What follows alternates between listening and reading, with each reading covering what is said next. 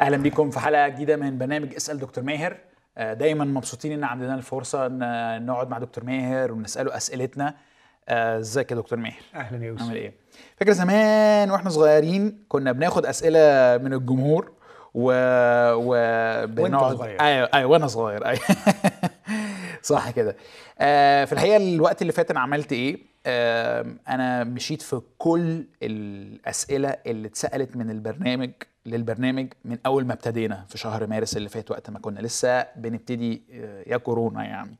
وبصراحة لقيت اي ثينك آلاف من الأسئلة مش مش مش ببالغ من ده. آه فأنا حتى يمكن حتى ما وصلتش يعني نصهم. بس في الآلاف الأسئلة دي لقيت بقى مئات من الأسئلة الكويسة قوي اللي ما كانش عندنا فرصة إن إحنا نجاوب عليها قبل كده. طبعا الحلم الجميل دايما إن إحنا نجاوب على كل الأسئلة بتاعت الناس المهمة. اللي مبسوط بإنجاز بالإنجاز اللي عملناه مع بعض إنه كتير من الحاجات اللي الناس بتسألها آه، اتجاوب عليها بطريقة أو ما في آه، في المواضيع اللي اتناقشنا فيها بصفة عامة حتى لو مش بصيغة السؤال بس. متأكد إن إحنا لمسنا في حاجات كتيرة قوي. فأنا حاولت أعمله إيه؟ إني أختار آم، أكتر أسئلة حسيت إن إحنا لسه ما ما ما, ما كلمناهاش بشكل مباشر أو كلمناها بس يمكن محتاجة تأكيد لأنه مثلا سؤال متكرر جدا وموجود بأكتر من طريقة. فالنهاردة نفسي آه، تبقى زي مرة كده فاكر عملنا حلقة جاوبنا فيها على 15 سؤال. كل سؤال ياخد خمس دقائق آه، بسرعة يعني مش هنقعد آه، كتير في كل سؤال. آه، وكالعادة آه، أحب دايما أبتدي بالأسئلة اللاهوتية الم- الصعبة في الأول ثم انتقالا إلى يعني ما هو علاقاتي عملي حياتي آم، يعني عشان عشان يبقى برضو عندنا تنويع في الأسئلة. فجاهز ل عايز تقول حاجة قبل ما آه نبتدي؟ يعني آه، أنا أوكي. عايز أقول بس لأحبائنا إنه كل سؤال فعلا إحنا بنفكر في السائل أكتر ما بنفكر في السؤال. فمش بس السؤال بالنسبة لنا مهم لكن السائل مهم جدا جدا جدا. فأنا عايز أعبر عن احترامي وتقديري الشخصي لكل شخص بعت سؤال للبرنامج وأقول إنه إذا لم تتم الإجابة فهذا يعني نابع من شيء واحد وحيد لا ثاني له المحدودية. صح. إنه للأسف قدرتنا محدودة ما نقدرش نغطي كل المواضيع ما نقدرش نجاوب على كل الأسئلة في أسئلة ما نعرفش أجوبتها. لكن بس بأكد إنه كل سؤال هو نابع من إنسان وكل إنسان له على راسنا من فوق يعني وله كامل التقدير. موافق جدا وأظن من غير الأسئلة دي ما كانش هيبقى فيه. القعدة دي. فميرسي يا دكتور ماهر على التعليق المهم ده. أوكي ابتدي معاك بأول سؤال.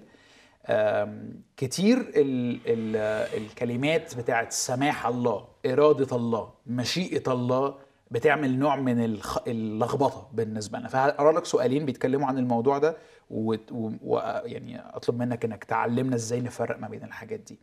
حد بيسأل إلى أي مدى يتدخل الله في حياتنا؟ وما الفرق بين سماح الله وإرادة الله؟ بمعنى هل يمكن أن يحدث أن يحدث شيء بسماح من الله ولكن عكس مشيئته؟ حد تاني بيسأل إيه الفرق بين إن ربنا سمح بالحاجة الوحشة وبين ربنا ما بيعملش حاجة وحشة. ففكرة السماح وربنا بيعمل إيه وما بيعملش إيه. نعيش تاني الحتة الأخيرة آخر حتة آه عارف لما حد بيقول لك إيه ربنا مش هو اللي عمل كده هو بس سمح بيها؟ فهو غالبا حد عايز يفهم يعني إيه. إذا كان ربنا سمح بيها طب ما هو مين المسؤول؟ هو المسؤول برضه. أوكي. يعني بلا شك موضوع صعب وكبير واعتقد إن من سنوات قدمت خدمة في مؤتمر الألف خادم بعنوان سلطان الله ومسؤولية الإنسان أو حاجة زي كده يعني فممكن يكون بيجاوب شوية أكتر. لكن مبدئيا أقول لك إن الله لما أعطى الإنسان حرية الإرادة ما كانش بيعمل تمثيلية. آه، أنا أقدر أقول الله آه، قوي بالقدر الكافي. آه، مش عارف أقولها إزاي بلغة أقوى من كده لكن قوي بالقدر الكافي إنه يدي حرية لكائنات أخرى. آه، الشخص الضعيف تحس قوي في نفسه يعني كده مش مش آه. أوكي. آه. يعني هو ليس ضعيفا لكي يحتاج أن يكون دكتاتورا. مم. فالديكتاتوريه نابعة من ضعف. الضعف. okay. أكيد. حلو قوي آه، فالله ليس ضعيفا للدرجة التي يخشى فيها أن يعطي كائنات أخرى إرادة حرة. الله قوي قوي جدا جدا جدا. أكثر مما نتصور للدرجة التي فيها من وجهة نظرنا يغامر بأن يخلق كائنات قوية قادرة مبدعة وفي نفس الوقت يديها إرادة حرة. آه وهذا لا يعني عايز أقول يضعف من سلطانه. النقطة الثانية الله مش بس قدير بالقدر الكافي أن يعطي إرادة حرة لكائنات آه قوية. وخد بالك لما أقول كائنات قوية يعني الملائكة التي أعطاها إرادة حرة وسقطت يقول باركوا الرب يا ملائكته المقتدرين قوة.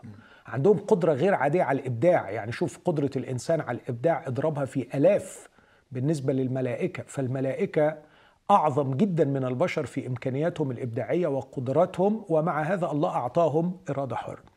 لكن أقول كمان الله آه مش بس قدير جدا لكن الله أمين جدا متسق مع ذاته جدا بحيث لما بيدي إرادة حرة هي إرادة حرة. يعني هذه الإرادة الحرة التي أخذوها آه، إرادة حرة بمعنى الكلمة. آه، أقصد إنها ليست إرادة حرة لفعل ما هو يريده. أوكي. مش كأنه وهم إنك حر بس في الآخر أنت بتعمل اللي أنا عايزه. بالظبط. يعني أنا لو قلت إن الله يعطيك إرادة حرة لكي تعمل في النهاية ما يريده الله ده تهريج. لو قلت إن الله يعطيك إرادة حرة لكن فقط لكي تصنع الخير ولا تصنع الشر ده تهريج. لو قلت إن الله يعطيك إرادة حرة لكن بشرط أن تعمل ما هو يرضى عنه ده تهريج.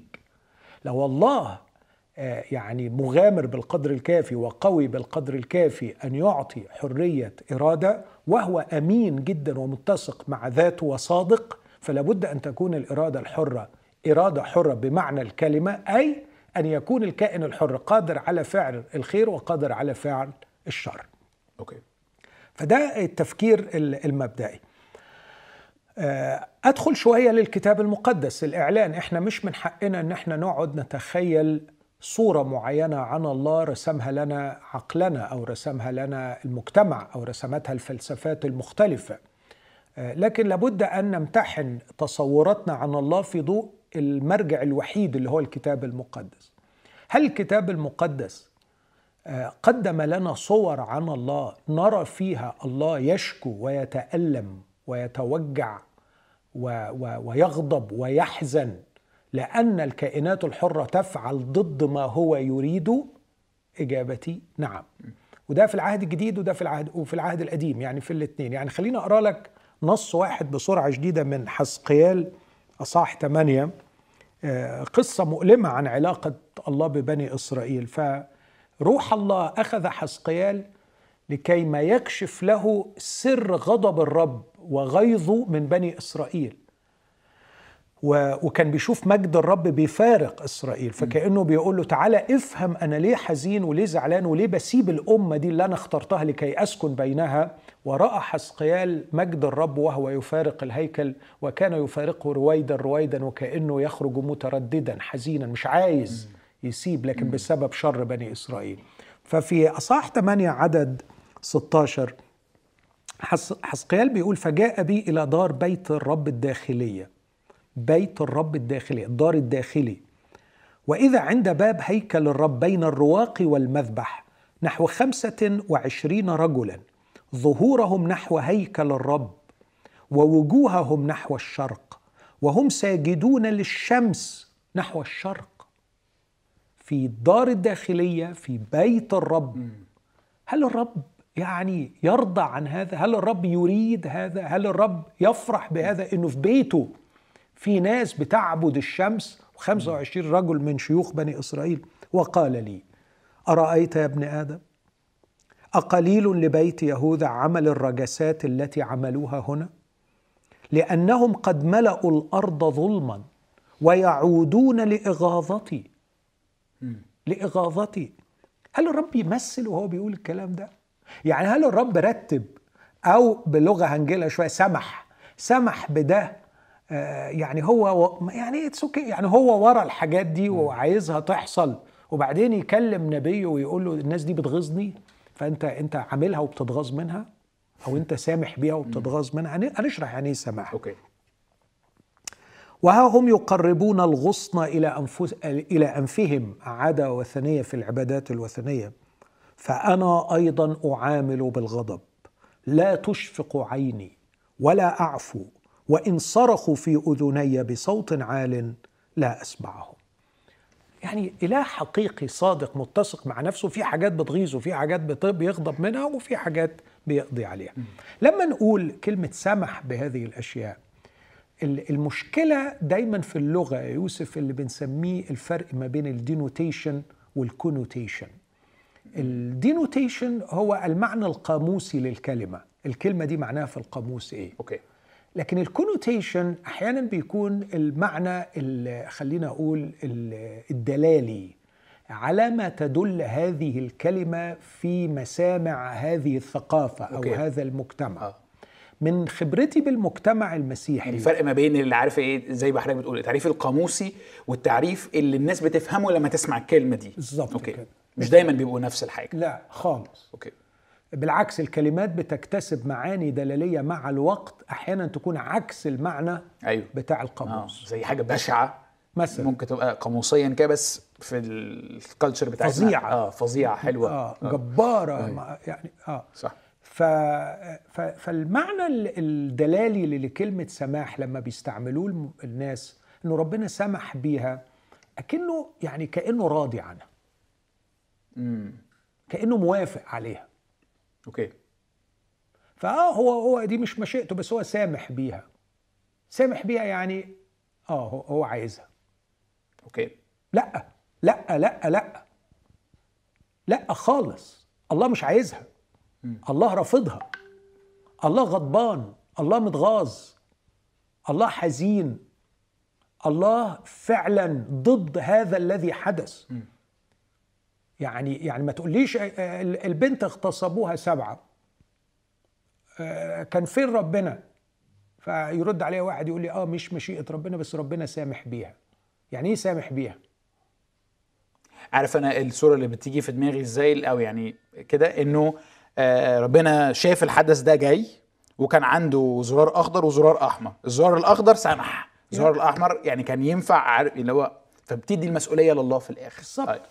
فده نوع من الاختزال الشديد والكبرياء في تصورنا عن فهمنا لسلطان الله وكيف يدير العالم. أوكي.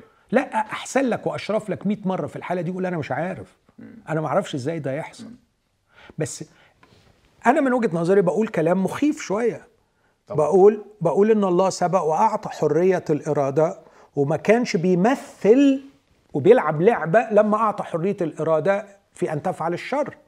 فمش معناها لما نقول حرية الإرادة وده تصور موجود هيدن يعني خفي إنه ربنا إدى البشر حرية الإرادة بس في خيوط خفية هو مربط بيها كل البشر وجامع الخيوط دي في حبل واحد ويعرف إزاي يروح شادد الحبل فيخليك ما تعملش الشر اللي أنت ناوي تعمله.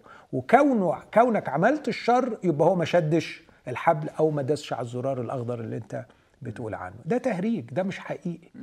الله أعطى حرية الإرادة للبشر وكان يعرف النتائج التي يمكن أن تترتب على هذه الحرية لكنه رأى وهذا ما يعلنه الكتاب رأى أن كائنات حرة تسبب كل هذا الدمار ويدبر لها هو مشروع فداء يقبل اختيارا وطواعيه يخلق في النهاية كائنات جديرة بأن تساكن الله. ومن هذا المفهوم سماح الله هو سماح بوجود هذه الكائنات بالوضع ده. يعني تقدر تقول سمح بوجود الشر يوم أن أعطى حرية الإرادة للإنسان. آه. لكن هذه الأفعال ال- الشريرة لو أنت هتطبق كلمة سماح إنه آه سمح بها يوم أن أعطى حرية الإرادة للبشر موافقك. لكن لو بتقول إن ربنا سمح بالفعل ده يعني هو شافه وفوته لا هذا الفعل مؤلم هذا الفعل يسبب غضب الله الله رافض تماما آه، لهذا الفعل.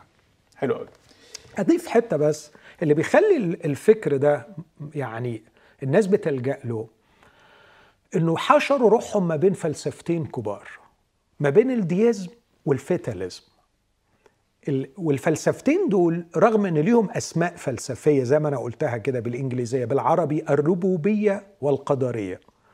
هذه الفلسفات لها أسماء وبتدرس في الكتب بس آه، مفيش فلسفة ما بتنزلش من الكتب للشارع. الفلسفات بتنزل في الشارع. حلو حلو المبدأ ده عموما ويشجعنا إن إحنا نفهم الفلسفات المختلفة لأنها بالظبط. ليها تأثير علينا. يعني أنت لو عايز تبدأ من الكتب ابدأ من الكتب بس كن على يقين وانت بتقرأ في الكتب إن اللي بتقرأه في الكتب ده نازل لأرض الشارع. okay. أو ابدأ بال اعمل العكس اعمل زي شغل ال sociologist أو ال anthropologist اللي بيدرس الإنسان. ادرس البشر وادرس الواقع هتلاقي روحك بتطلع للي في الكتب. okay. فده موجود. فال deism بيقول إيه؟ الديزم بيقول لك إنه وده فولتير مثلا اللي بيشاع عنه إنه ملحد وهو ليس بملحد. لكن فولتير جه عصر التنوير اللي رفض وجود الله. فولتير كأنه رأى إنه من الحماقة أن أن تقول أن هذا الكون ليس له خالق. لكن لأنه رافض الدين ورافض الإله اللي بتقدمه الأديان قال لك من المحتم أن يكون هناك خالق أبدأ هذا الكون. لكن بعد أن خلقه كان قد وضع له ال mechanisms ات التي قادرة أن تديره. فهذا الكون الآن يدار بتلك الميكانيزمات التي وضعها هذا الخالق. لكن الخالق منشغل في أمور أخرى. يمكن بيخلق عوالم تانية دلوقتي و... آه. أو عنده حاجات تانية مسلياه ولا واخدة وقته. فهو مش فاضي للعالم بتاعنا. هو انفصل عن آه، هذا العالم. خالق عاقل لكنه غير متداخل في أمورنا ومش. مهتم بيه. بالظبط. طبعا لما حد نفسه في علاقة مع ربنا لا ما ياكلش ال- الكلام ده مرعب. وبعدين يملأني بالخوف وال insecurity أنا عايز أطمن نفسي. إنه في خالق متحكم في هذا الكون. فنروح لل extreme إيه ال extreme؟ ال fatalism القدرية. القدرية بقى بتقول إن الله مش بس متداخل في هذا الكون مش حاطط إيده في هذا الكون وليه علاقة مع الكائنات اللي موجودة في هذا الكون. لا الله مخطط وراسم وضابط ومسيطر وداخل في كل تفصيلة صغيرة. لو كحيت دلوقتي أنت كحيت تحت سلطان الله. ولو انت اخترت الشر انت بتختاره بسلطان الله. ولو انت قمت قتلت واحد ففجورك وتقواك هما من الله في النهاية. فأنت فاجر لأن الله كتب لك هذا وأنت تقي لأن الله كتب لك هذا. طب ده إزاي يدخل العقل؟ آه ممكن ما يدخلش العقل بس بيريح بيطمن. وعشان كده تلاقي الناس اللي بيؤمنوا بالقدرية عندهم توليرانس أعلى عندهم قدرة أكبر على قبول الكوارث بتاعت الدنيا ومصايب الدنيا. صح صح. آه نفسيا. سنس آه. نفسيا. ما ما كانش ما كانش ينفع نمنع اللي حصل ده بأي شكل من الأشكال. فكان هيحصل هيحصل. بيحصل وده بيطمن. أيوة. خلاص هو ده قدرك في هذه الحياة وما. وما تقلبش فيه. صح وليها فايدة. ليها فايدة آه. نفسية كبيرة قوي. وبعدين لو تفتكر الحلقة اللي فاتت الناس مش بتختار المعتقدات الصحيحة الناس بتختار المعتقدات اللي بتريحها. صح. فليه الناس. بتدي لك انطباع في فكرة السماح آه أنا لما بقول إنه ربنا سمح بهذا نعم هو سمح به من وجهة نظري يوم أن أعطى حرية الإرادة للبشر و... وأيضا أقر و... و... وأؤكد على أن الله له سلطان ويستطيع أن يتداخل يستطيع أن يتداخل ويستطيع أن يغير من الواقع ويستطيع أن يستعمل الواقع و و ولا توجد حرية إرادة للإنسان تكون على حساب حرية إرادته هو. ودي نقطة مهمة تاني بقولها في هذا الاتجاه. يعني لو ربنا نفسه يعمل حاجة آه عايز يعملها ومصر يعملها مفيش حاجة هتعطله إن هو يعملها. لكن ده مش معناه انه إنه على طول يلغي حرية علشان هو عايز يلغي حرية الناس اللي سبق واداهم حرية الإرادة. فأحيانا فك يعني كلمة سماح بتكون آه، ماشية مع حتة القدرية آه، لكن أنا لما أستعملها وأحيانا أستعملها عايز أقول إن الله ليس مغيب عن هذا الكون وليس غائب عنه فلا أذهب للاتجاه الآخر. والله له سلطان وحرية الإنسان لن يمكن أن تكون على حساب حرية الخالق.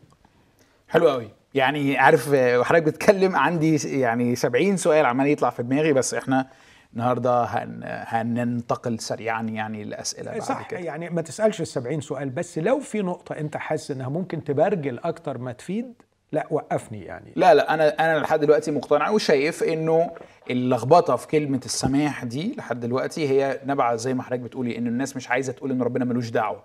فبتعمل أو بالصورة اللي بتكون في دماغها لا هو بقى إله بيتحكم في كل شيء بس بيسموها سماح. لكن حضرتك بتقدم نوع مختلف أو يعني مفهوم مختلف عن السماح الذي لا يلغي حرية الله وتداخله وفي نفس الوقت يحترم حرية الإنسان بالشر وبالخير. عشان ربنا مش بيمثل ولا بيلعب لما إدى البشر حرية إرادة. حلو جدا. okay.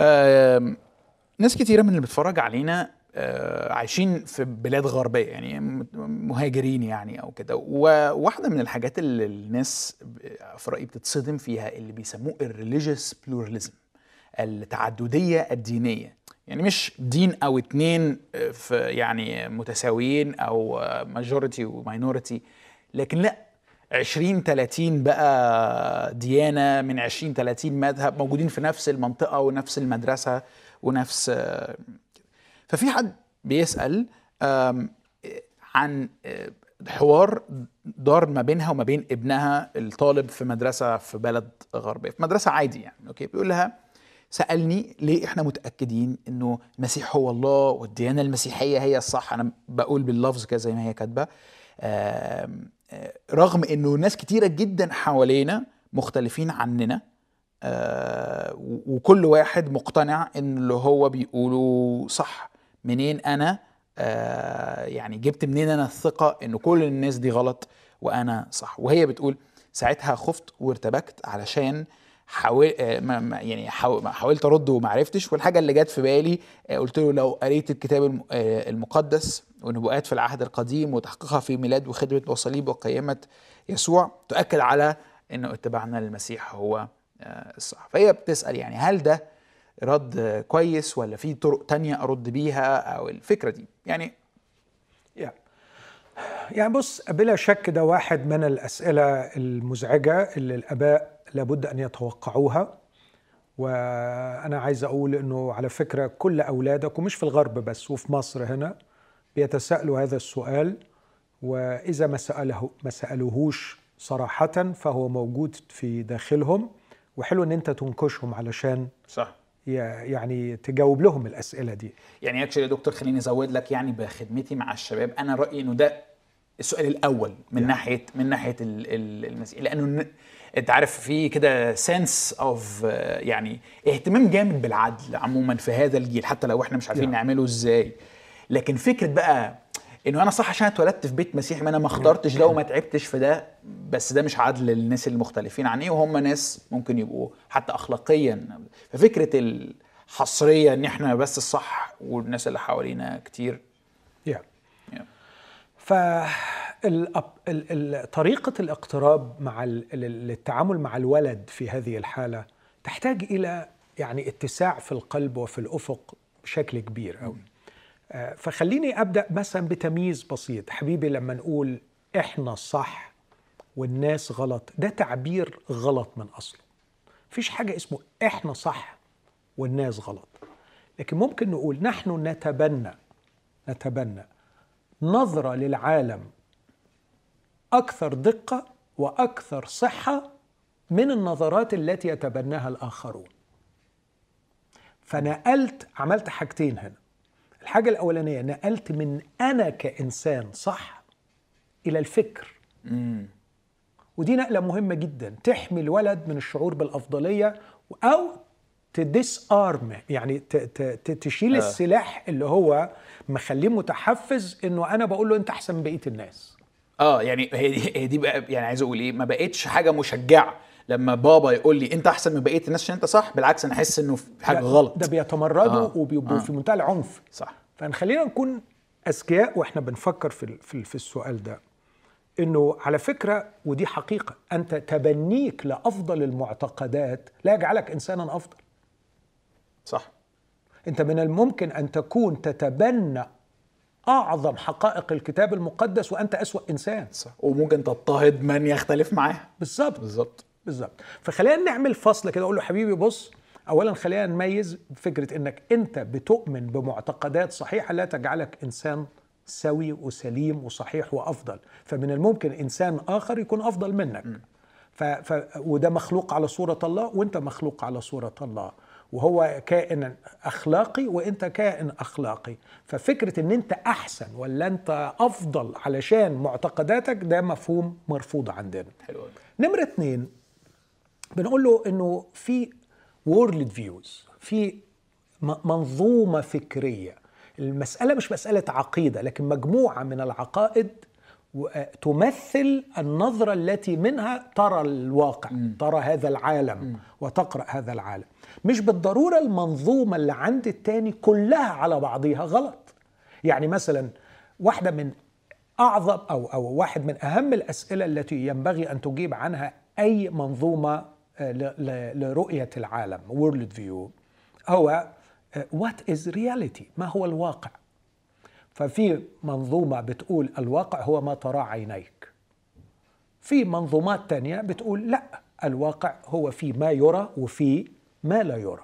وما لا يرى ده من الممكن أن يكون في إله عظيم كبير هو الذي خلق هذا الكون. آه لو أنا عندي مع- ممكن أعد لك دلوقتي ست سبع منظومات للعالم تشترك معنا كمسيحيين في أنه يوجد إله خلق هذا العالم. فما أقدرش أقول إن المنظومة التي ترى أن الكون له خالق عظيم قدير حكيم أتقن العالمين بأمره وبكلمته إن المنظومة دي ما فيهاش ولا حاجة صح. لا ما أنا already متفق معاها على النقطة دي. اتفق معاه okay. فببدا أعلم ابني وبقول له إنه الإنسان لا يقيم يا ابني بمعتقداته لكن الإنسان إنسان ويقيم إنه إنسان لأنه مخلوق على صورة الله. الأمر الثاني المهم أن كل إنسان له نصيب في مشروع الفداء فهو غرض فداء الله. الأمرين دول هم اللي بيدوا الإنسان قيمته وإحنا متساويين مع كل البشر في أننا مخلوقين على صورة الله محبوبين منه غرض لمشروع الفداء الذي قدمه الله في يسوع المسيح. فيسوع المسيح فدية لأجل الجميع. وكل إنسان مهما تشوه له نصيب في هذا الفداء. وده يا ابني اللي إحنا بنبني عليه أساس رؤيتنا للبشر. بعد كده بننتقل لمسألة كيف نقرأ العالم. هو يقرأ العالم بسبب منظومة عقائدية كونتها له الأسرة والمجتمع وأنت كذلك تماما. الاختلاف هيبقى في مجموعة المعتقدات اللي, ادتها له ومجموعة المعتقدات اللي أنت خدتها. ممكن يبقى فيها أشياء متفقة وممكن يبقى فيها أشياء مختلفة. طب نعمل إيه بقى؟ أيوه. نحاول نفهم المنظومة دي ونفهم المنظومة دي ونشوف أي منهما متسقة مع ذاتها أكثر أي منهما بتقابل الواقع أكثر أي منهما لها قدرة على تفسير الواقع أفضل. آه، وبالتالي, بنقارن بين منظومتين لقراءة العالم أو لقراءة الواقع. أدي مثل يعني علشان يوضح الحكاية دي. يعني مثلا لو المنظومة اللي بي- بينادي بها زميل ابني مثلا إن الإنسان يولد خير وأن الإنسان آه، صفحة بيضاء. آه، أقول له طيب هل هذا يعني يعني يتقابل مع الواقع اللي اللي بنخلينا نشوف البشر مليانين بالفساد وإن كل البشر فسدوا أي منظومة أكثر قدرة على تفسير الواقع؟ اللي بتقول إنسان جميل وخير وبتولد صفحة بيضاء ولا اللي بتقول أن الجميع زاغوا وفسدوا معا ليس من يعمل صلاحا ليس ولا واحد. تعال نشوف الواقع من المنظور ده. ندرس الحضارة البشرية ندرس التاريخ البشري هل فعلا الإنسان كان يعني خير بطبعه بس الظروف أحيانا بتخليه سيء ولا وهكذا؟ فمقابلة المنظومات ببعض ده يساعد طيب. شوية هقول لك ردين فعل يعني فكرتين كرد فعل آم، آه، لنفترض إنه الأم دي مثلا يعني إيه آه، بذلت مجهود ورغم إن هي ملهاش في الحاجات دي ولا ليها طقطان عليها وحاسة إن هي أكبر منها بس بذلت مجهود في احترام عقل ابنها وقالت له يعني مقدرة بس لازم نمتحن ونشوف ونقارن بعد تقديرنا للأشخاص آه، وهكذا. طبعا نشجعها وأنا رأيي دي هت- هترفع يعني رصيدها عند الابن حتى لو هي ما قدرتش تجاوب. لكن يعني ما اكذبش عليك شايف صعوبتين. الصع- الصعوبة الأولى إنه هي ما بقاش آه، في في البلاد دي هي مش آه، مش وجهة نظر واحدة منافسة هنقارنها. في 20 واحدة. فتخيل ال- بالظبط اللي هيحصل كده. أوكي يا ماما. أنا هدرس وهشوف وهقارن. إديني كتب أقراها. okay؟ آه بس هما بتاع 20 فهاخد لي مثلا سنتين ثلاثة في الموضوع ده. وفي السنتين ثلاثة دول ما تطلبيش مني بقى أروح الكنيسة ولا أصلي لأني مش عارف. طبعا يعني ممكن هي تلطم يعني ان أنا آه، فتحت على نفسي فتوحة وضيعت ابني يعني بالمفهوم ده مش ساعدته. فاهم رد أوكي الفعل أوكي, أوكي. يعني هي مش هتضيعه لأنه هو ضايع ضايع. يعني هو لو اتساب هو لو اتساب وعنده الأفكار دي ما هو برضه مش هي... ممكن يضيع يعني. أيوة. اولا خلينا نناقش منطقية فكرة إن أنت هتدرس كل المعتقدات. ده من المستحيل. يعني أتفق معاه لو أنا بتكلم مع ابني أقول له حبيبي يعني إنك أنت تدرس كل المعتقدات ده طبعا مستحيل. لكن خلينا نعمل حاجة بسيطة جدا العلم بيقول عليها. العلم بيقول أن المعتقدات تسبق المعرفة. المعتقدات تسبق المعرفة. فنحن نتبنى المعتقدات ثم نبحث عن الدليل الذي يمتحن هذه المعتقدات. فتعال نعمل كده في المعتقدات بتاعتنا في الأول. إنه إحنا يا ابني عندنا معتقدات كذا وكذا وكذا. حول هذه المعتقدات إلى معرفة. إزاي؟ بإن إحنا نلجأ للمتخصصين.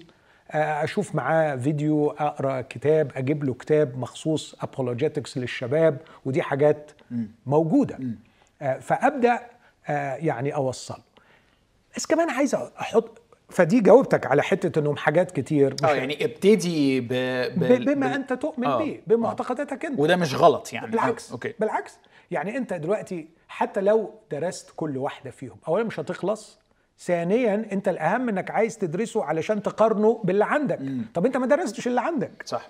فأنت ابدأ باللي عندك. حول معتقدك إلى معرفة. إنك تبقى عارف هو ليه لماذا نؤمن بما نؤمن به. هل مثلا قضية زي قيامة المسيح التاريخية مثلا, دي مثلاً قضية ممكن قضية. أبتدي من عندها؟ قد بص إيه بقى اختيار القضية؟ صدقني ولا فارق مع العيال. أوكي. ولا فارق مع العيال. okay. هقول لك إيه اللي فارق مع العيال. اللي فارق مع العيال لما بيثيروا الأسئلة دي الشباب عشان ما- sorry العيال. آه كده آه أنا في, في وضعي أنا ممكن أقول أيوة، كده. أيوة. يعني مع الشباب. اللي فارق مع الشباب في الحاجات دي اولا قضايا نفسية 100% ويلبسوها ثوب فكري. مش معناها إن الولاد ما عندهمش إن ال- الشباب ما عند هتقول لي الولاد أيوة. أقول لك الشباب. مش معناه إن الشباب ما عندهمش اهتمامات فكرية. لكن حتى في اهتماماتهم الفكرية منطلقين من احتياجات نفسية. okay. فمرات مثلا مثلا اعتراضه على أخلاق الأب اعتراضه على إهمال الأب اعتراضه على أسلوب معاملة الأب للأم اعتراضه على أسلوب معاملة أبوه ليه هو زهق وما عندوش أمل ولا قدرة أن يعترض على هذه الأشياء فيعترض على معتقده.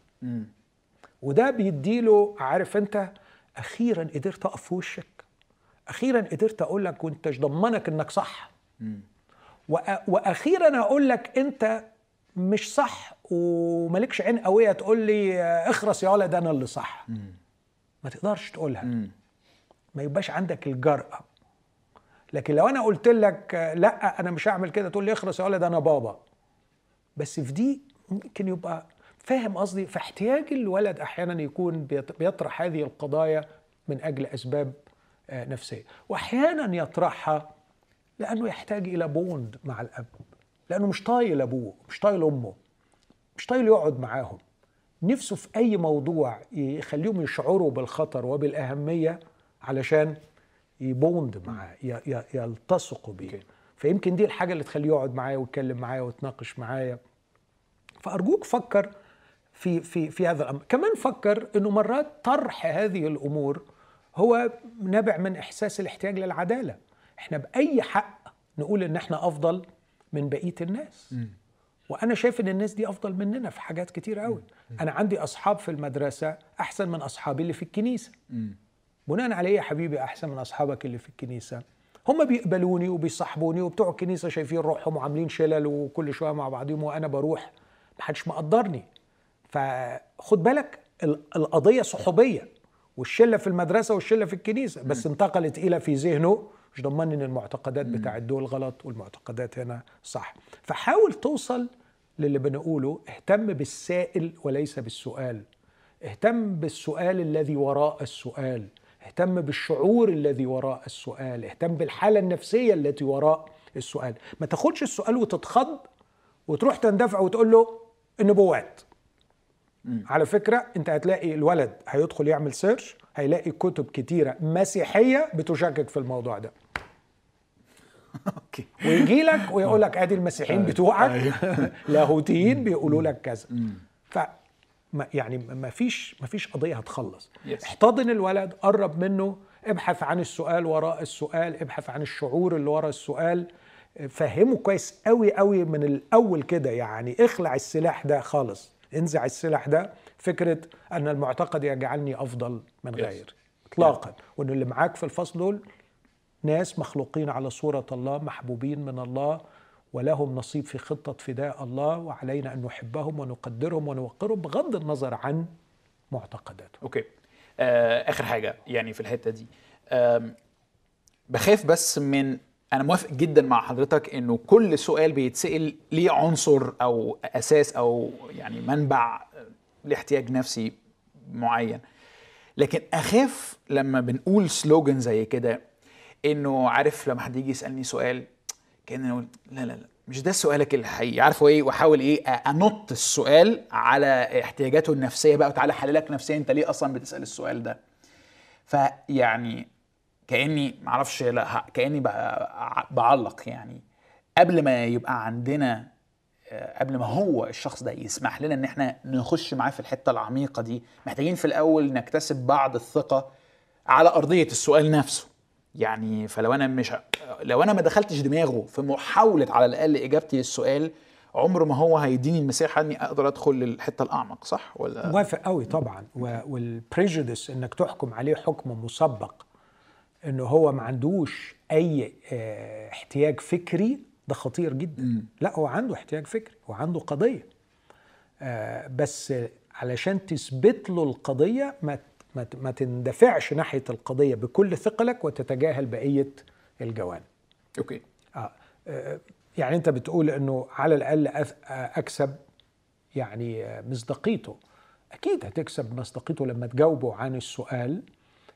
جاوبه جاوبه في حدود المعقول جاوبه في حدود ما تدخلوش في تفاصيل كتيرة قوي قوي قوي وت- وتدوخ نفسك وتدوخه. لكن جاوب على قد اللي اللي يخليك تكتسب ثقة على الأقل يحس إن أنت دارس وفاهم بالظبط. اللي بيتقال آه. ودارس وفاهم التاني كمان وعارف ده بيقول at least الفكرة العامة يعني. بالظبط.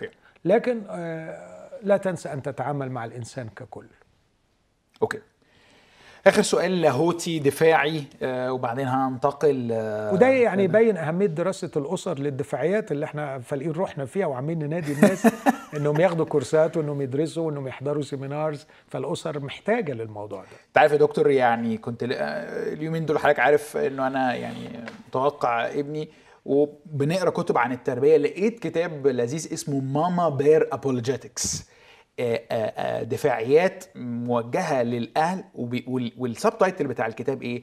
إزاي تجاوب على أسئلة أولادك وتعدهم لمواجهة الكذب والأفكار الخاطئة اللي في العالم. صحيح. ف I think إنه ده جزء مهم. يعني عايز أقول إيه بقت requirement Yeah. متطلب آه، أساسي لأي حد عايز يخلف ابن في القرن الواحد والعشرين. شوف بقى يعني. حد يترجم لنا الكتاب ده للعربي. طيب okay. هقرا الأول وبعدين أشوف ال- الموضوع ده.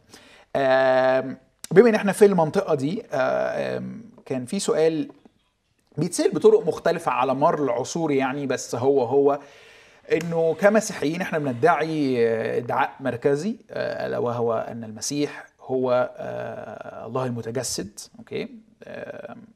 بس واحدة من الحاجات ال- ال- اللي بتتسألنا إنه عمر ما المسيح قال كده بالصريح أنا هو الله. ف يعني منين وصلنا للحقيقة دي؟ وهل عندنا حاجة في الكتاب واضحة قوي لا تشك يشكك فيها إن إحنا إنه المسيح فعلا هو الله؟ الحقيقة القراءة الأمينة للعهد الجديد ولما أقول الأمينة القراءة حتى العلمية. يعني أنت لو بتقرأ نص أدبي وبتقول هو النص ده عايز يقول إيه؟ هل له معنى؟ مفيش احتمال واحد في المية واحد في المية آه تغلط مين هو المسيح. مين هو المسيح؟ يعني لما تقرأ عن المسيح بيتكلم عن نوع العلاقة اللي ليه مع الآب. لما تقرأ عن المسيح ونوع العلاقة اللي ليه مع الزمن. لما تقرأ عن المسيح ونوع الوظائف والسلطان الذي يملكه في علاقته مع البشر. لما تقرأ عن المسيح في الأعمال التي يعملها والطريقة التي يعملها بها لما تشوف تصريحات المسيح عن هذه الأشياء وأنت بتقرأ النص بعقل حيادي بحت ما أنتش عايز تؤمن بأي شيء أنت بتقرأ نقديا لن يعني لن يصعب عليك اطلاقا أن تستنتج أن هذا الشخص يرى أنه لا يمكن أن يكون مجرد إنسان. لا يمكن أن يكون مجرد إنسان. وإذا لم يكن مجرد إنسان فهو خرج عن منطقة نبي ورسول وإلى آخره إلى منطقة ثانية وساعتها أتساءل طب هو إيه؟ لو لم يكن مجرد إنسان أشوف من النصوص اللي هو بيقولها بيقول إيه عن نفسه وبالتالي أستنتج من يكون هذا الشخص. أما بقى إنك كنت بتبحث عن نص المسيح فجأة كده يوقف الناس ويرعد ببرق رهيب ويقول لهم أنا الله إلهكم خالقكم. فده شوية قراءة ساذجة أو توقع ساذج جدا جدا جدا من شخص بعمق المسيح ومن قصة بعمق قصة العهد الجديد. أوكي. شخص المسيح أعمق جدا جدا جدا جدا في شخصه وفي هدفه وفي رسالته كشخص يبحث أن يكتشفه الناس أن يكتشفه الناس ويكتشفه الراغبون في إقامة علاقة معه. فالمسيح عندما عندما كان يتكلم كان غامضا أكثر مما كان واضحا. كان يكلمهم بأمثال. كان يريد أن يستنفر ويستثير ملكات العقل الإنساني وعطش الروح الإنسانية لكي تكتشف من هم. من هو هذا الشخص؟ أدي لك مثل. يعني في مواقف كتيرة قوي يعني كان يقدر يعلن ده الإعلان ده بكل بساطة يعني. بس مثلا لما تتفرج عليه وهو بيدخل في حوار مع المرأة السامرية لم يعترض اطلاقا على وعي المرأة السامرية به على أنه لا يزيد عن أن يكون رجل رجل يهودي. فبتقول له كيف تطلب مني لتشرب وأنت رجل يهودي وأنا امرأة سامرية. ملاش خلاصي عيب أنا مش مجرد راجل. اطلاقا. بص العمق. بص العمق. بص الكلمة. لو كنت تعلمين عطية الله ومن هو الذي يقول لك أعطيني لأشرب؟ لطلبت أنت منه فأعطاك ماء حيا. يا يا على الروعة واستثارة الفكر. الفكر. إنه على فكرة أنا مش راجل مش مجرد راجل يهودي. مش مجرد رجل يهودي. أنا حاجة غير كده بس لو كنت تعلمين عطية الله ومن هو الذي يقول لك؟ آه وأخذ قعد لغاية ما فاجئها بأنه كشف لها ماضيها. يعلم خفيات القلوب. كان لك والذي لك الآن. ليس هو يا سيد أرى أنك نبي. ما يقولهاش اخلصي نبي إيه؟ أنا لست مجرد ما يقولهاش كده. اطلاقا. أرى أنك نبي وتروح سأله سؤال. يا امراه صدقيني تأتي ساعة وهي الآن. لا في هذا الجبل. لكن الله روح ويفضل يسترسل في الإعلانات لغاية ما المرأة تقول له أنا أعلم أن مسيا يأتي. أنا الذي أكلمك هو. لكن هل بعد ما أعلن لها المسيا دخل معها في بحث كتابي ماذا يقول العهد القديم عن المسيا ابن من هو؟ اكتفى بأنه أعلن لها أنه هو المسيح. بس أنت المفروض تدوري وتعرفي من هو المسيح. فاهم قصدي في أيوة. الفكر ده. فعمق شخصية المسيح وعمق الرسالة التي يريد أن يصل بها ورغبته في أن يخلق الشخصية التي تعرف كيف تمسك بالحق قبل أن يعطيها الحق. ده الغرض الأساسي. فعمق شخص المسيح وعمق قصة العهد الجديد أرقى جدا جدا جدا من هذا الطلب الساذج أن يقف المسيح ويصرخ في الناس ويقول لهم أنا الله إلهكم اعبدوني okay. يعني محتاج تقرأ الاناجيل بعمق وباتزان حتى يعني علمي. أمانة علمية أمانة علمية, آه. آه. أمانة بس علمية. عشان تفهم بس ال ال الغرض بتاع الكتابة يعني, يعني اسمح لي أدي مثل تاني بليز في بداية حياته خالص لما جه التقى ب آه، في لبس راح جاب له نثنائيل صح فقال له قد وجدنا مسيا. من الآخر كده. نعم. قد وجدنا مسيا. قال له مين مسيا؟ قال له يسوع الذي من الناصرة. بص العقل النقدي عند نثنائيل وهو ده اللي يسوع بيدور عليه. قال له أمن الناصرة يمكن أن يكون شيء صالح؟ لا أنا مش قادر أصدق. إزاي يعني؟ فراح قال له وهو عارف صاحبه قال له تعالى تعالى وشوف. وانظر. تعالى أنت وافحص. فأتى به إلى يسوع. فأول ما يسوع شافه قال هو ذا إسرائيلي حقا لا غش فيه. بص جمال العقل النقدي في تلاميذ المسيح. مش بقول متشكر متشكر كتر خيرك. مجاملة لطيفة جدا الحقيقة. يعني إنك بتقول عني أنا إسرائيلي وحقا ولا غش فيا يعني أنا أقدر هذا. شكلك كده نبي عظيم. رد عليه من أين تعرفني؟ تعرفني منين عشان تقول عني كده؟ أيوة. يا أخي بيجاملك. لا فيش حاجة اسمها مجاملة. من أين تعرف قال له قبل أن دعاك في لبس وأنت تحت التينة رأيتك. ويبدو أنه كان هناك حوار بين نثنائيل والله تحت التينة. حديث سري جدا. صدم. صدم نثنائيل. وب- وبسرعة قال له يا معلم أنت ابن الله. أنت ملك إسرائيل. رد عليه يسوع قال له استغفر الله يا أخي ما تقولش كده. رد عليه وقال له هل آمنت لأني قلت لك أني رأيتك تحت التينه سوف ترى أعظم يعني كأنه بيحاول يقول له ما, ما تقبلش بسرعة قوي كده يعني استنى وافحص وهديك أدلة وهتشوف مم. أوكي. أعظم. مم. وهتتعمق في إيمانك إني أنا ابن الله أوكي. من خلال أمور أعظم من الآن ترون السماوات مفتوحة وملائكة الله يصعدون وينزلون على ابن الإنسان فيعني القراءة الأمينة علميا للعهد الجديد آه بص يعني أنا السؤال ده بصراحة عمري ما جاوبت عليه قبل كده لاني ما بحبش أجاوب عليه.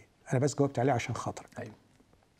لكن اللي عايز بقى إجابات في كتب معمولة للموضوع ده.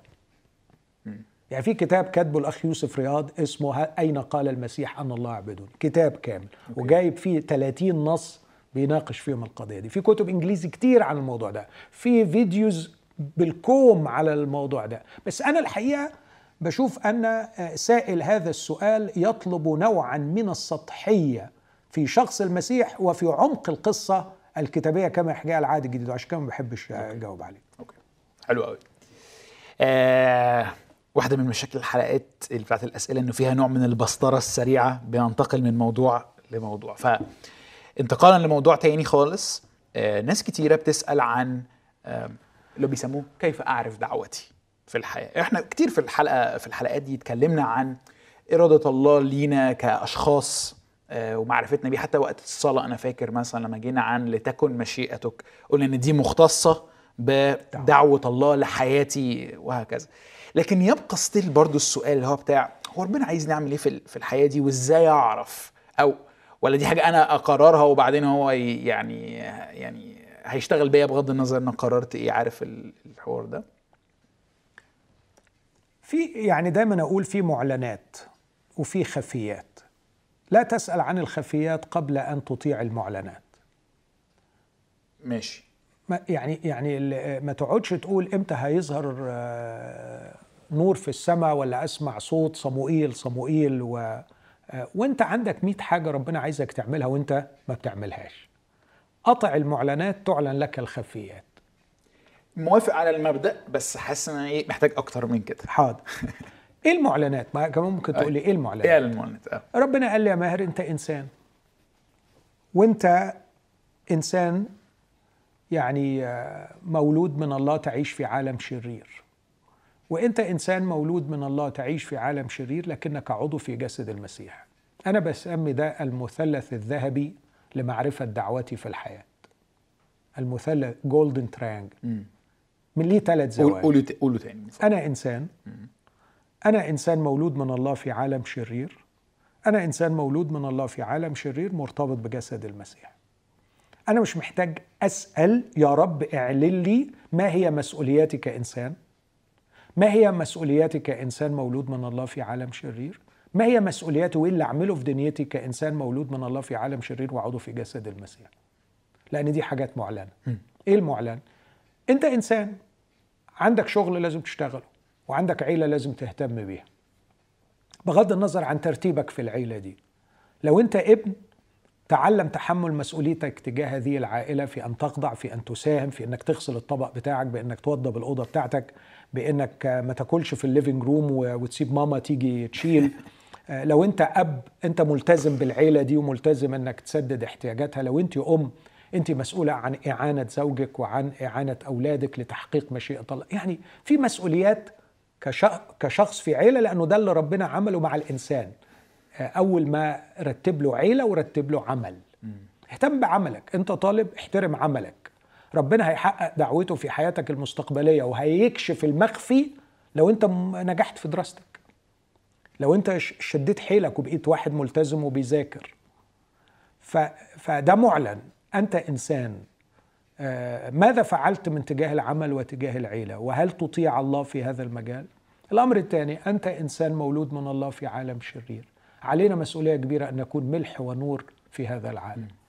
ملح هو ما يحفظ العالم من مزيد من انتشار النجاسة. نور أننا نقهر الأكاذيب الموجودة في هذا العالم. فان تعيش وأن تتكلم. هل أطعت هذا في مجال عملك في مجال حياتك في مجال علاقاتك؟ عيش هذا الكلام. عيش كملح ونور. أن تكون ملح ونور هذه ليست دعوة شخصية. هذه دعوة عامة لكل أولاد الله. هل أطعت الدعوة العامة لكل أولاد الله؟ م.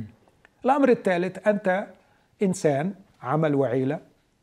أنت إنسان مولود من الله في عالم شرير ملح ونور. أنت إنسان مولود من الله في عالم شرير عضو في جسد المسيح. عندك 55 آية بتقول بعضكم بعضا بعضكم بعضا. ملهاش دعوة خالص بدعوتك الشخصية هتطلع نجار ولا تطلع دكتور بعضكم بعضا عايش في مجموعة فيها خمس أفراد ولا عايش في كنيسة فيها ألف واحد بعضكم بعضا طبق الكلام ده. عيش. عيش كعضو في جسد المسيح.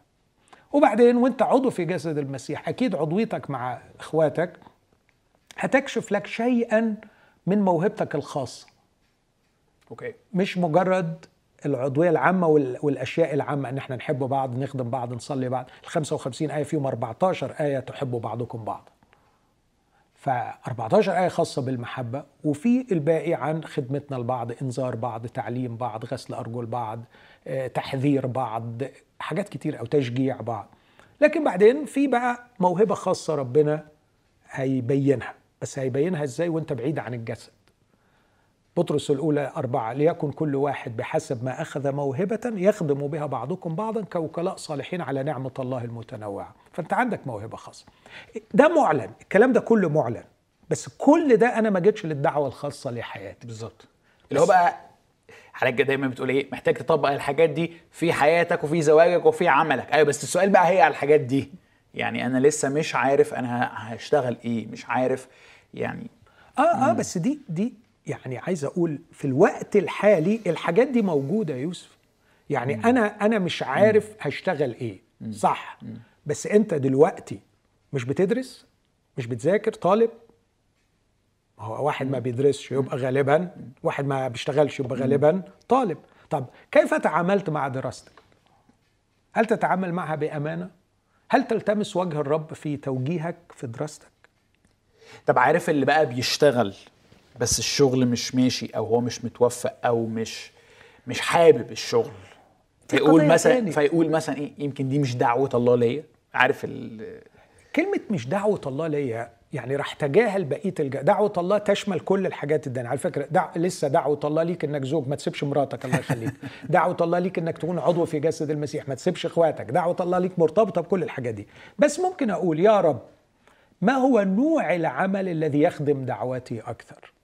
ما هو نوع العمل الذي أستطيع أن أحقق فيه دعوتي بشكل أفضل.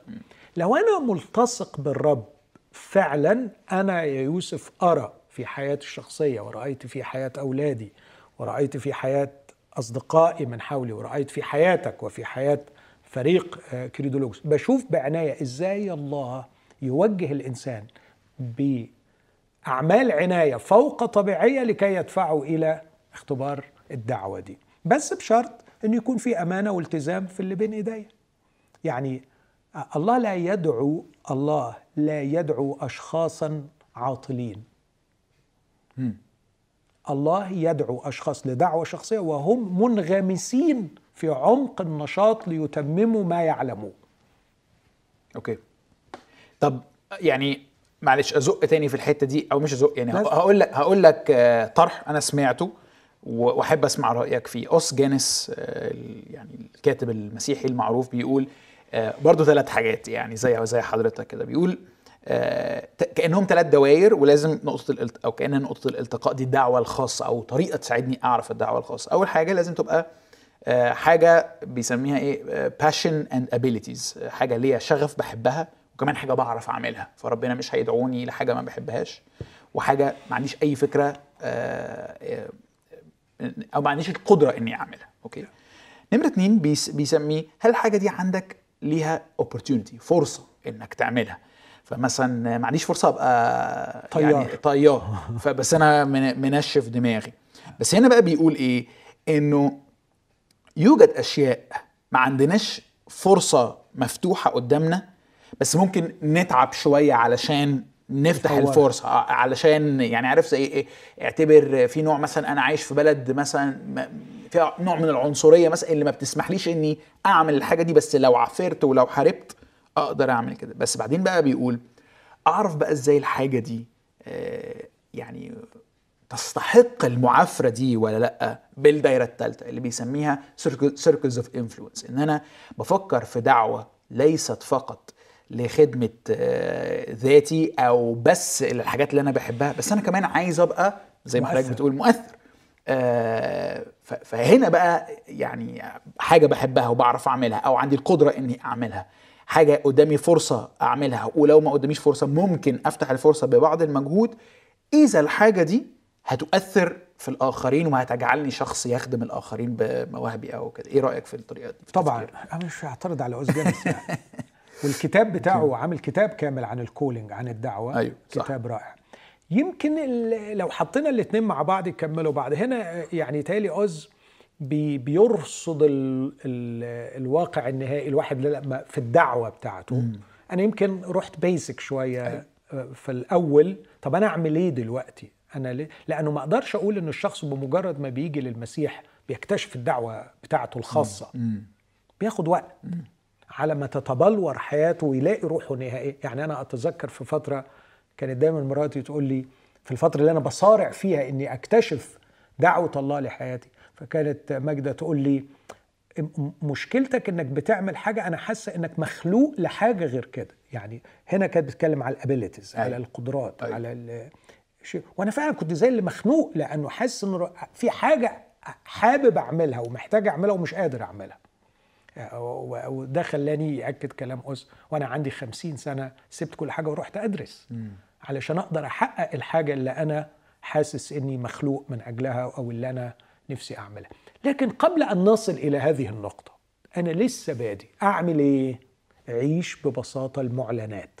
ما تتشعبطش في حاجات رهيبة كبيرة أحلام وتنسى الأشياء البسيطة الواقعية.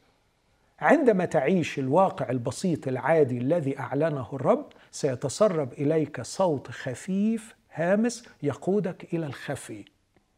عندما تعيش بطاعة حقيقية لما أعلنه الرب ستكتشف ببساطة أن يد الرب تحملك يمكن دون أن تدري إلى ما يريده الرب لك. حلو قوي حلو قوي طيب آه موضوع عايز أقول إيه عليه يمكن 100 سؤال أوكي؟ أنا حطيته تحت عنوان إيه؟ آه الخطية slash الضعف slash آه الإدمان. okay؟ وناس كتيرة بطرق مختلفة هقرأ لك عينات من الأسئلة دي. بتسأل عن ما يسمى آه، ما أعرفش بقى بالخطايا المتكررة. إحنا اتكلمنا عن الموضوع ده بس أحب برضو نتكلم عليه تاني. أو اللي بيسميه الضعف. يعني مثلا بص حد بيتكلم بيقول لك إيه؟ ما الفرق بين الضعف والخطية؟ لأنه في كثير من الأحيان نبرر مشاهدة مثلا الأفلام الإباحية أو إدمانها بحجة أنا ضعيف. أوكي؟ أنا مش الموضوع مش عن الإباحية بس عن ال ال الخطايا المتكررة اللي بنضعف قدامها. مثلا حد بيقول لي إزاي أبطل خطية؟ فشلت بكل محاولات على إني أبطلها وما عرفتش رغم كل محاولاتي من صلاة وتوبة ومجهود وبرجع أضعف تاني وأقع فيها تاني. وبعدين بيضيف. هو أنا لو مت كده هروح الجحيم آم، بسببها. آم، عندي سؤال محيرني جدا. لو في شخص عنده نقطة ضعف أو خطية معينة هي ضعفه ومش قادر يتخلص منها لكن بيتوب باستمرار ممكن يكون ليه خدمة وتأثير؟ يعني. يعني يتهيألي خدنا حلقة كاملة عن الموضوع ده يا يوسف لو تفتكر. فأنا م- يعني مش هقدر ألخص الحلقة دي وخايف أختار حاجة آه، أرد بيها أظلم الموضوع أو أظلم السائل يعني. آه، لكن عندي إحساس شوية أنه آه، هذه الأسئلة منطلقة من رغبة في التخلص من الشعور بالذنب. يعني المزعج في هذه القضية هو الشعور بالذنب. المسيحية ليست هي الأنتيدوت للشعور بالذنب. الإنجيل ليس هو الترياق الذي يشفيك هي الحبة اللي تاخدها علشان تتخلص من الشعور بالذنب. لكن المسيحية هي دعوة ليك لكي تكون الشخص الذي يحب الله ويستمتع بمحبة الله. آه، ما في مشكلة عائلية من المشاكل آه، وكان في مواجهة بين الزوج والزوجة قدامي. تأثرت قوي من الزوج كان راجل حكيم بيقول لمراته الكلمة دي قال لها بصي عمرك ما حبتيني وعمرك ما صدقتي إن أنا حبيتك. عمرك ما حبتيني وعمرك ما قدرتي تصدقي إن أنا بحبك. آه أنت كل اللي بتدوري عليه هو الأمان معايا. لكن ما كانش فيه العلاقة الشخصية. الكلمة دي وجعتني قوي وأنا سرحت منهم لأني فكرت إن هو ده هي دي المشكلة بين الله وبين كتير من المؤمنين. هم بيدوروا على الامان مع الله. وبالتالي الشعور بالذنب بالنسبة لهم مزعج جدا آه، علشان بيضيع الأمان. بيوجد عندي حالة من الخوف. يا إما هتعاقب هنا يا إما هتعاقب هناك. لو مت دلوقتي هيجرى إيه؟ فالقصة كلها الأمان. لكن أنا أعتقد إن الرب لو رد على واحد من دول هيقول له على فكرة أنت ما حبتنيش كشخص. أنت بتحب الحالة اللي أنا بوجدها. تحب البيت اللي مليان بالخير والبيت اللي فيه فلوس والبيت اللي فيه التلاجة مليانة والرصيد في البنك؟ ما- انت حابب الحالة. لكن زي كأنه الزوج بيقول لها كده. بيقول لها انت حابة الحالة اللي أنا أوجدتها لكن انت مش حباني أنا كشخص. انت مش عارفاني انت مش فهماني انت عمرك ما بذلتي مجهود علشان تعرفي إيه اللي يسعدني وإيه اللي يريحني وإيه اللي أنا بحبه وإيه اللي أنا بزعل منه. أنا أنا بالنسبة لك هو مصدر هذه الحالة فأنت بتحبي الحالة مش بتحبي الشخص مصدر الحالة التي تهبك الأمان. أيوه. كأن الرب بيقول لكتير من الناس أنا فين؟ أنا فين؟ وكمان هؤلاء الأشخاص مشكلتهم مش بس إنهم ما حبوش الرب لكن مشكلتهم إن هم عمرهم ما صدقوا إن الرب يحبهم حب حقيقي. ما قدروش يستقبلوا محبته. فدول عندهم خلل في نوع العلاقة مع الله. النقطة الثانية اللي أقولها في الحتة دي طبعا أنا مش بعمم النموذج ده على كل اللي سأل السؤال ده لكن دي حتة موجودة. الحاجة الثانية هي قضية آه، آه، اللي اللي بي- بيسميها اللاهوتيين يعني already but not yet إنه إحنا حاليا في حاجة بس لسه ما كملتش. صح الترجمة كده؟ أيوة. يعني آه يعني في امتلكنا شيء لكن لسه لم يكتمل هذا الشيء. فالفداء مشروع. والرسول يقول كلام واضح في رومية 8 أننا خلصنا على الرجاء. لأنه ما ينظره إنسان كيف ما ينظره أحد كيف يرجوه أيضا. فلو كنا نرجو ما لسنا ننظره فإننا نتوقعه بالصبر. يعني إيه؟ فداء الجسد لم يتم بعد. تقولي طب وإيه علاقة فداء الجسد باللي إحنا بنحكيه ده؟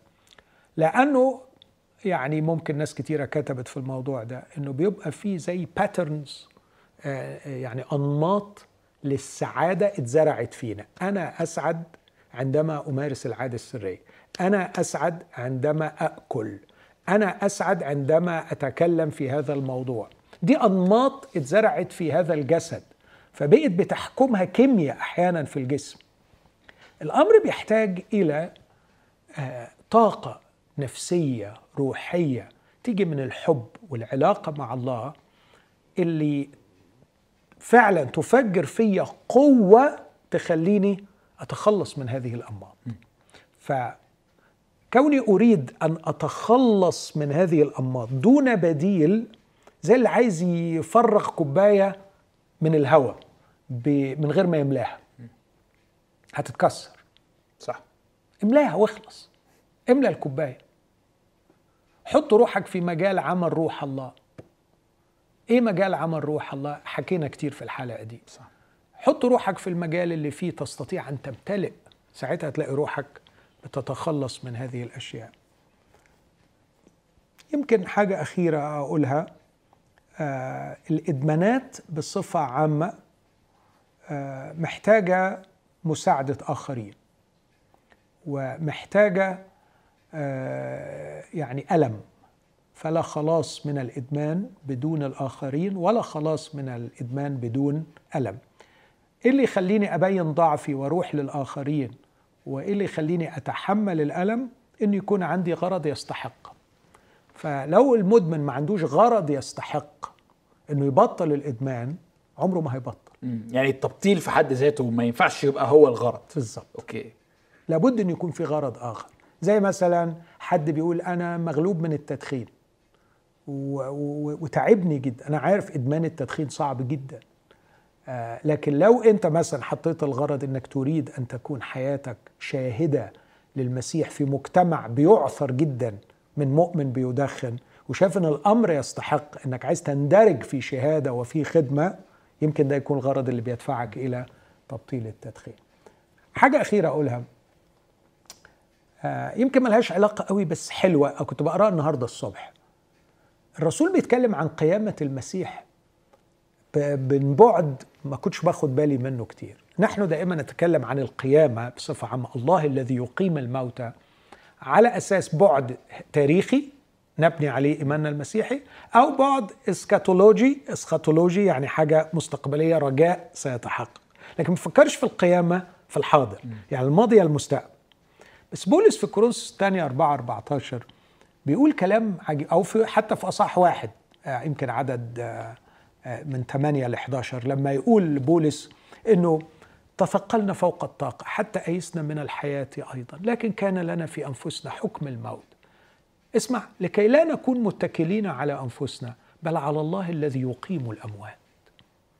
الله الذي يقيم الأموات. في كروس تاني أربعة بقى في نفس الرسالة دي يجي ويقول لك لكن لنا نفس روح الإيمان الذي يقول آمنت لذلك تكلمت لذلك نحن إذ أمنا نتكلم. إيه بقى؟ أن الله الذي أقام الرب يسوع من الأموات سيقيمنا ويحضرنا معكم. فواضح أن بولس كان بيوصل لمواقف نفسيا روحيا أخلاقيا في كيانه. بيصل إلى حالة الضعف الشديد أنه حاسس أنه ميت. مش قادر. أنا في حالة موت. طب بتعمل إيه في الحالة دي؟ أرفع عيني إلى إله القيامه وأقول له زي ما عملت في يسوع المسيح واقمت من الموت أقمني يا الله.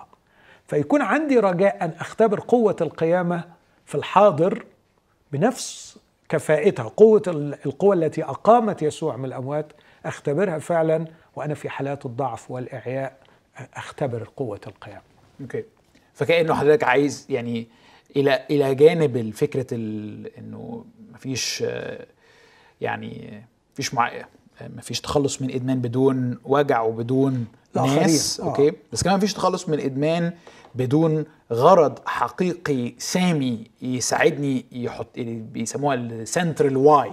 اللي يعني الليه الكبيرة اللي علشانها أنا عايش وكمان ال... إن أنا برفع عيني لإله القيامة إنه إنه في الوقت اللي أنا فيه ضعيف وحاسس إني بلا قيمة إنه يعني يعني حلوة قوي ال central why دي. لأنه فعلا يعني دي قالها نيتشه. مم. نيتشه قال لو في why مش هيفرق معايا خالص what يعني لو في ليه هيهون عليا أي حاجة أعدي فيها. لكن لو مفيش why ليه؟ صح. لو مفيش الحاجة اللي عايز ليه أتحمل؟ okay. فدي نقطة مهمة. النقطة الثانية إنه آه، لاحظ إنه مش ربنا هيديني قوة آه، أعيش بيها؟ لا. يديني قوة أغلب بيها وأنا متصل بيه. يعني يعني مش تعالى عايز إيه؟ عايز شوية قوة عشان أتغلب على الموضوع ده. خد يا حبيبي نص كيلو قوة وروح اتصرف. لا. عايز قوة؟ الزق فيا. يعني زي بالظبط ما بقول قد يكون مصباح 50 واط وقد يكون مصباح 500 واط.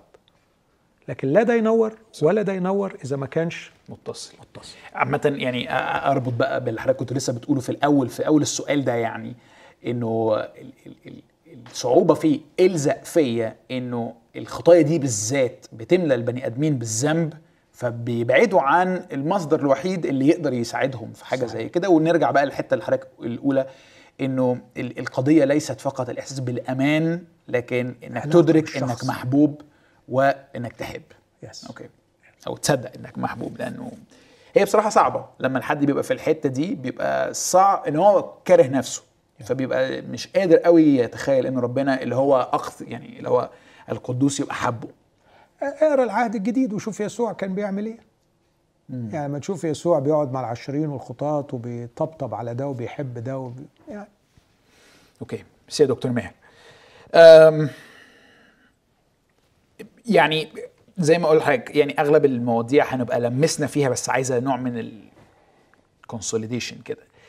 الناس بتسأل على يعني إيه، استثمارهم في علاقتهم مع الله في وجه الضغط الفظيع للحياة اليومية الطبيعية أوكي؟ آه، فمثلا حد بيقول العلاقة مع الله آه، محتاجة وقت وطاقة واستثمار وأنا موافق. فعلا بيكون صعب ادي طاقة وتركيز للرب وسط الشغل والعائلة والأولاد. إزاي أقدر أحل المشكلة دي؟ حد تاني بيقول كيف نتغلب على الفتور الروحي في ظل كم التشويش المخيف في العالم الذي يسيطر على عقولنا ونشاطنا نشاطنا اليومي ومن ثم عدم القدرة على الاستمرار روحيا بفرح ونشاط؟ يعني آه، أنا بشوف إنه التحديات التي نواجهها في هذه الحياة هي المجالات الصحيحة الحقيقية لاختبار العلاقة مع الله. لا اشرح لي اشرح لي أكتر. أوكي. يعني ال- الطرح اللي بيطرح باللغة دي بيبين إنه آه، في نوعين من آه، الحياة أو في جانبين للحياة. في جانب العلاقة مع الله وفي جانب التحديات بتاعة الحياة. جانب العلاقة مع الله هو إن إحنا نروح الكنائس ونحضر اجتماعات والمجموعة ودرس الكتاب والخدمة ونقرأ الكتاب ونقرأ دراسات و و إلى آخره. ده وفرصة الصلاة والخلوة. ده العلاقة مع الله. بعدين في بقى الشغل وقرف الشغل وقرف العلاقات مع والعيال الناس والتربية والعيال والكلام ده. يا ريت الله يطول عمركم. تاخدوا ده وتقلبوه هنا. خدوا ده واقلبوه هنا. فالمجال الحقيقي للعلاقة مع الله هو العيال. المجال الحقيقي للعلاقة مع الله هو غلب الشغل. يعني إيه غلب الشغل؟ يعني فعلا أنا أمارس مسيحيتي وأنمو في علاقتي مع الله في هذه التحديات. هي دي الحاجات الحقيقية. بمعنى إنه يعني أنا هقابل ناس مخلوقين على صورة الله. الصورة فيهم تشوهت وأنا نفسي شخص مولود من الله لكني في عالم مكسور جوايا الخطية. okay. حلو قدامنا تحدي النهارده. هو أنا إزاي هنجح مع الناس دي في اليوم اللي مش فايت ده؟ وريني بقى قوتك يا رب وريني محبتك يا رب. فطول الوقت أنا في حالة صراع مع الله.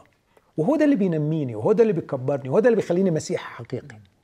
لكن المشكلة إن الناس بتتعامل مع ده على إنه غلب علينا إن إحنا نتعامل أو نخلصه ونخلصه ونخلصه عشان نجري بقى للعلاقة مع الله. فبتبقى حتى علاقتهم مع الله دي مصطنعة ومزيفة. وبتبقى فن وحاجات سوشيال رغم إنها في الكتاب وفي الكنيسة وفي الترنيم.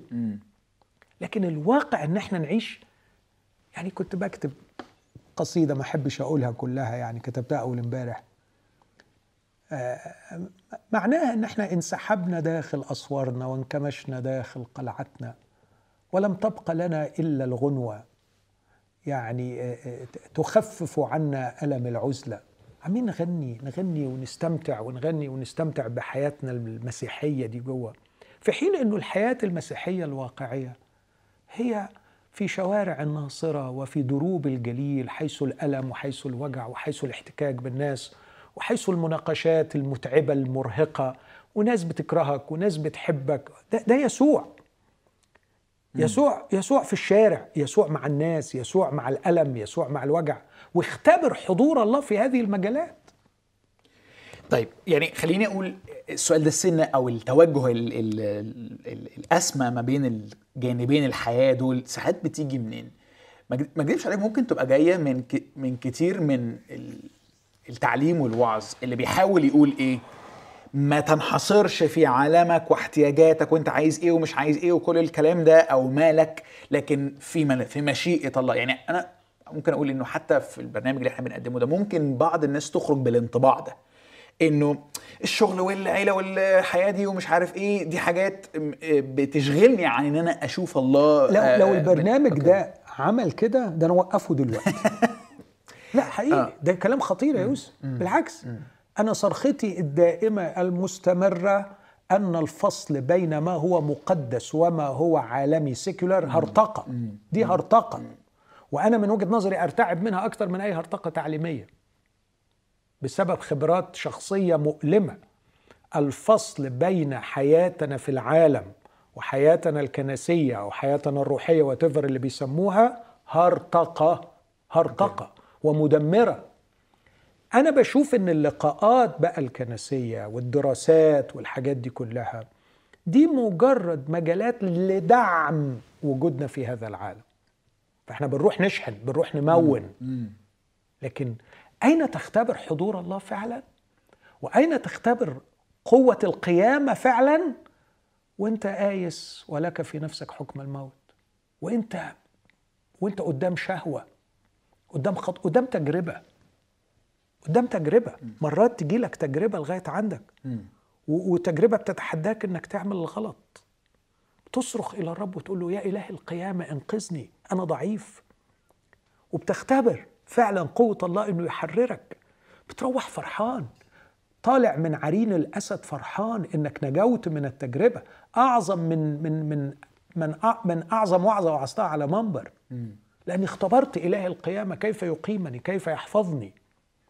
طب وهل ينفع أختبر نفس الاختبار لو أنا آه، موظف في شركة أنا مجرد ترس صغير فيها وببقى عيني 15 ساعة في اليوم في إكسلات ومديري آه، طاحني ومراتي آه، بتلومني لاني مش بقضي وقت معاها. يعني طبعا ده مش حالي أنا بس يعني عايز حال ناس كتيرة من الناس اللي بيشوفوا ما بيشوفوش حياتهم العملية كصراع روحي أنتصر فيه باتحادي مع المسيح بس بحاجة غلب ومملة وبكرهها أصلا وما, وما ده صراع روحي ده صراع إن أنا بعمل حاجة مملة.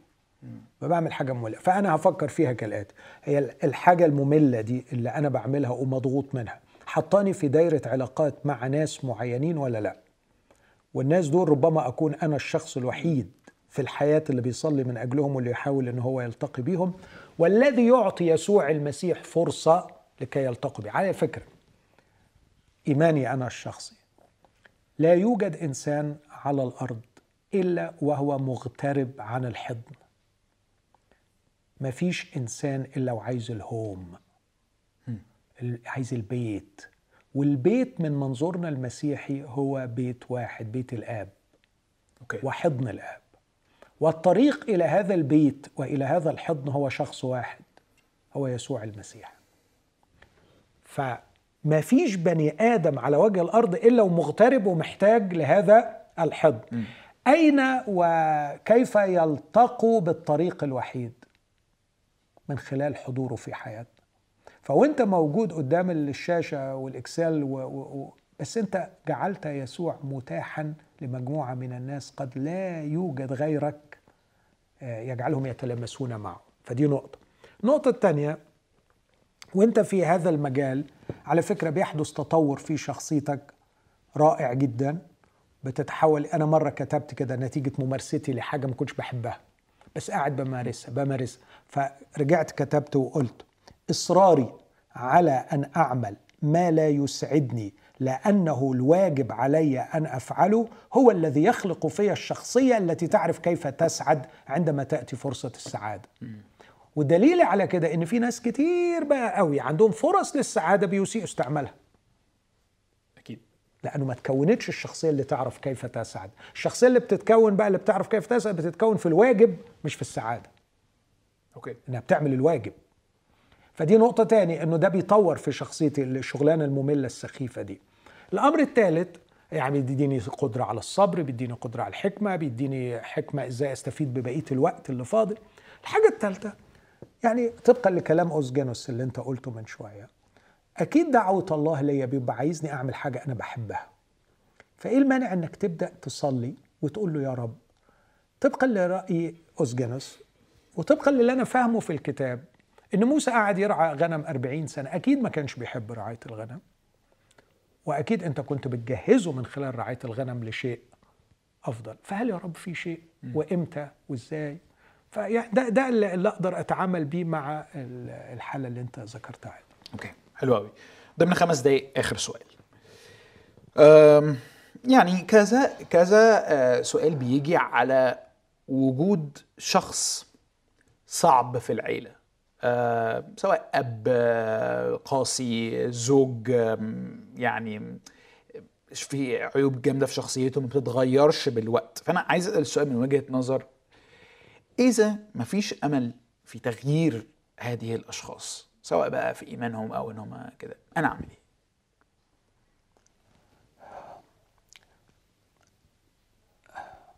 تقصد زوجة؟ آه. يعني في واحدة مثلا كانت بقى السؤال زي ما هو أنا أصلي منذ 17 سنة ليغايل يغايل الرب زوجي القاسي الأناني وعديم الرحمة والمسؤولية ولا شيء يتغير. ففي سؤال يعني ليه ربنا يسمح بده لو شايف عذابي؟ آه بس بس أنا أعمل إيه؟ شيلي من دماغك. وبطلي تصلي عشانه. طبعا هياخدوها عليا أيوة دي أيوة يعني. أيوة. لكن أنا أقصد إيه؟ أقصد إنه في وهم كبير قوي أن الحياة الزوجية الناجحة هي المخلص للإنسان من غمه. هي المخلص للإنسان من اللا معنى ف 17 سنة زنقه روحها في إنه لو زوجي اتغير كل شيء هيبقى على ما يرام. لو بصراحة ما أقدرش ألومها. يعني لأن ده يعني مصدر تعب أنا جامد يعني. أنا مش بلومها. أنا مش بلومها وأرجو إن هي ما تفهمنيش إن أنا بلومها. لكن أنا عايز أقول لها ارجوكي قللي توقعاتك من الجواز. أكيد أكيد الجواز المريح أفضل مليون مرة من الجواز اللي بينكد والجواز المتعب. أكيد الكتاب قال كده. طبعا. قال إن السكنة في زاوية السطح خير من السكنة مع امرأة مخاصمة أو طبعا زوج مخاصم.